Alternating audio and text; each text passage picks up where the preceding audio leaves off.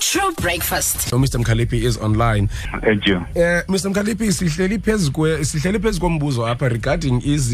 regarding domestic workers buza ngamalunga ngamalungelo akhoyo and um, whether or not abaqeshi baya baya ba allow nabo i domestic workers abinto bana baxhamle um kulo malungelo lawo. Um in terms of labor law what are some of the rights that i domestic workers are entitled to or have, or, or, or, or might not know about? Um msasazi namaphulaphuli okokuqala umsebenzi wethu thina singu-department sijongana naloo nto ukuthi abasebenzi bangaxhatshazwa konke jikelele um endaweni zokusebenza ilungelo lokuqala into yokuba umntu lo uphangelayo urejistarishiwe na phantsi kwento ekuthiwa yi-u i f okay. ukwenzela into yokuba aze akwazi ukuthi xa engaphangeli ofumane ujob akacela isicelo sento yoba ndiphangeli ngoku arhole imali etsalwayo kuye eyi-one percent kumvuzo wakhe nomqashi afake loo one percent yes into yokuqala le eyesibini into yoba wonke umntu makabe nesivumelwano into the contract of employment mm. eh ibe khona uba intoni le apho la malungelo ndinawo mna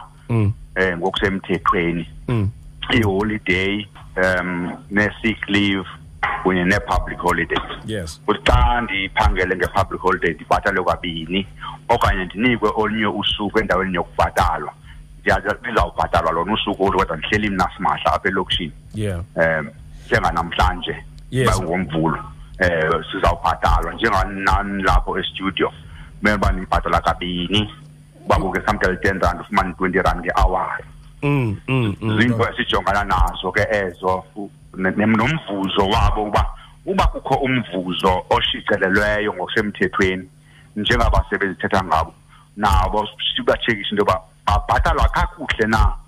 um neeyure zokuphangela i-hours of work yes bazifumana na um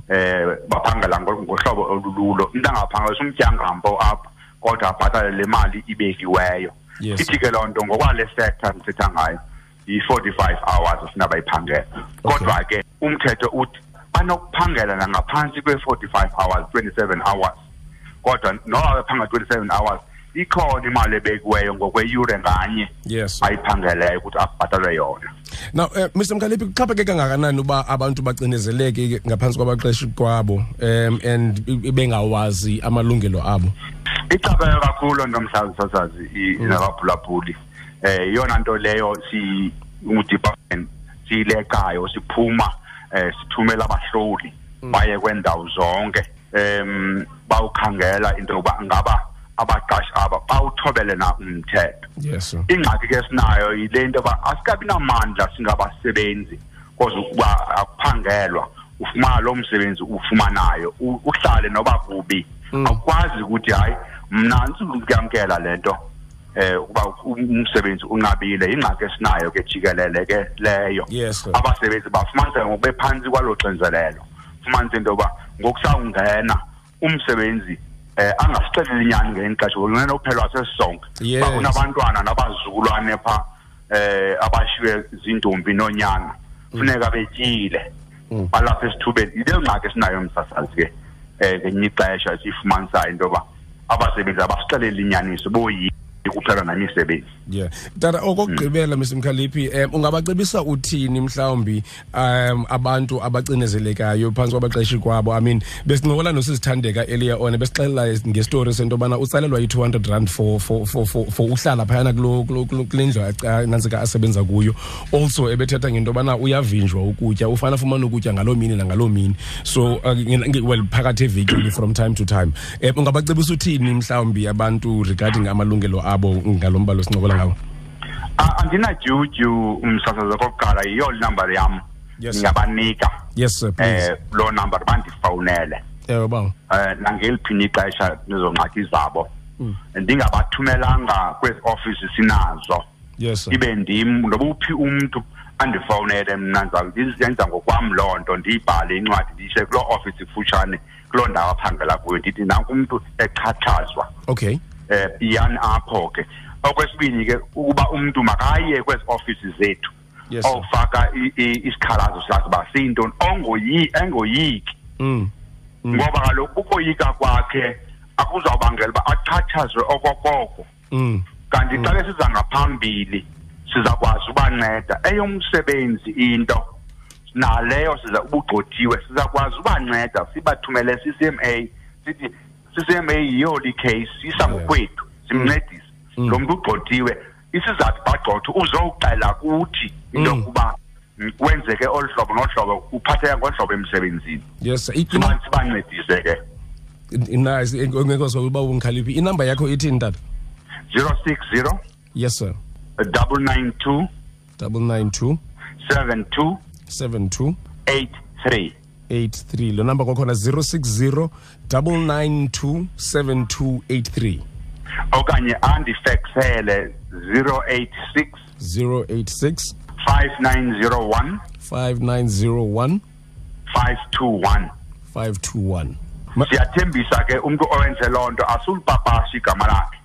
kodwa ke ngokwale sector akwazi uba usouth africa siye phaa sithi hayi sizowutshekisha thina into yoba umsebenzi wakho umphethe njani na ngaba wena mqashi amalungelo la umsebenzi uyamnika na singakazi sikhankanye igama lakhe masibambe ngazo zozibini mr mkhaliphi inkosi kakhulu for usiphi ixesha this morning also for inumber yakho ndiqinisekile abantu bayivile nathi sayibeka kwifacebook yethu so that abantu bazoyazi into yobana bangaqhagamshelana nawe njani nabawo enkosi msasazi enkosi kakhulu that was mr mkhaliphi um osuka kwi-department of labour he's an assistant director for inspection and enforcement services true breakfast